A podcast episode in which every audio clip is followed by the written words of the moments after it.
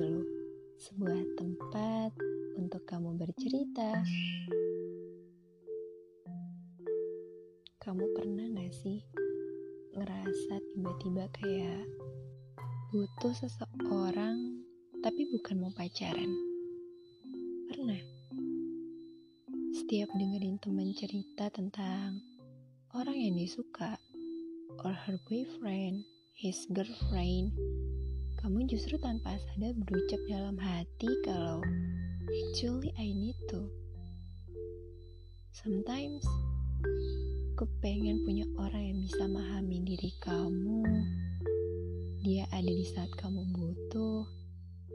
Dia hadir ketika kamu sedih or butuh sosok rumah untuk bisa berbagi ceritanya sama kamu, but not a have relationship. Maybe kedengarannya kayak ah lo maunya HTSan gitu atau lo kayaknya butuh orang yang cuma selalu ada tapi bukan pacaran sebenarnya bisa ke teman atau mama papa atau sekitaran orang yang deket sama kamu dan kamu bisa cerita ke mereka but sometimes rasanya beda gak sih? Beda aja gitu ketika punya satu orang yang buat kamu nyaman untuk cerita, buat kamu ngerasa paling diistimewakan ketika ngobrol berdua, and it's like not boyfriend or girlfriend. Sebatas kamu tahu aku banyak cerita ke kamu, kamu tahu aku nyaman setiap ngobrol sama kamu, tapi kita sama-sama tahu kalau kita nggak lebih dari sekedar itu. Rasanya mungkin aneh atau ah maunya kamu gimana sih? Tapi jujur hal-hal semacam itu wajar kamu rasain ketika kamu justru punya seseorang yang spesial kamu punya hubungan sama dia kamu mungkin takut untuk ngerasain sakit hati kesekian kalinya when you feel afraid to have a relationship Mungkin kamu masih belum sembuh dari rasa trauma yang amat membekas di hati kamu.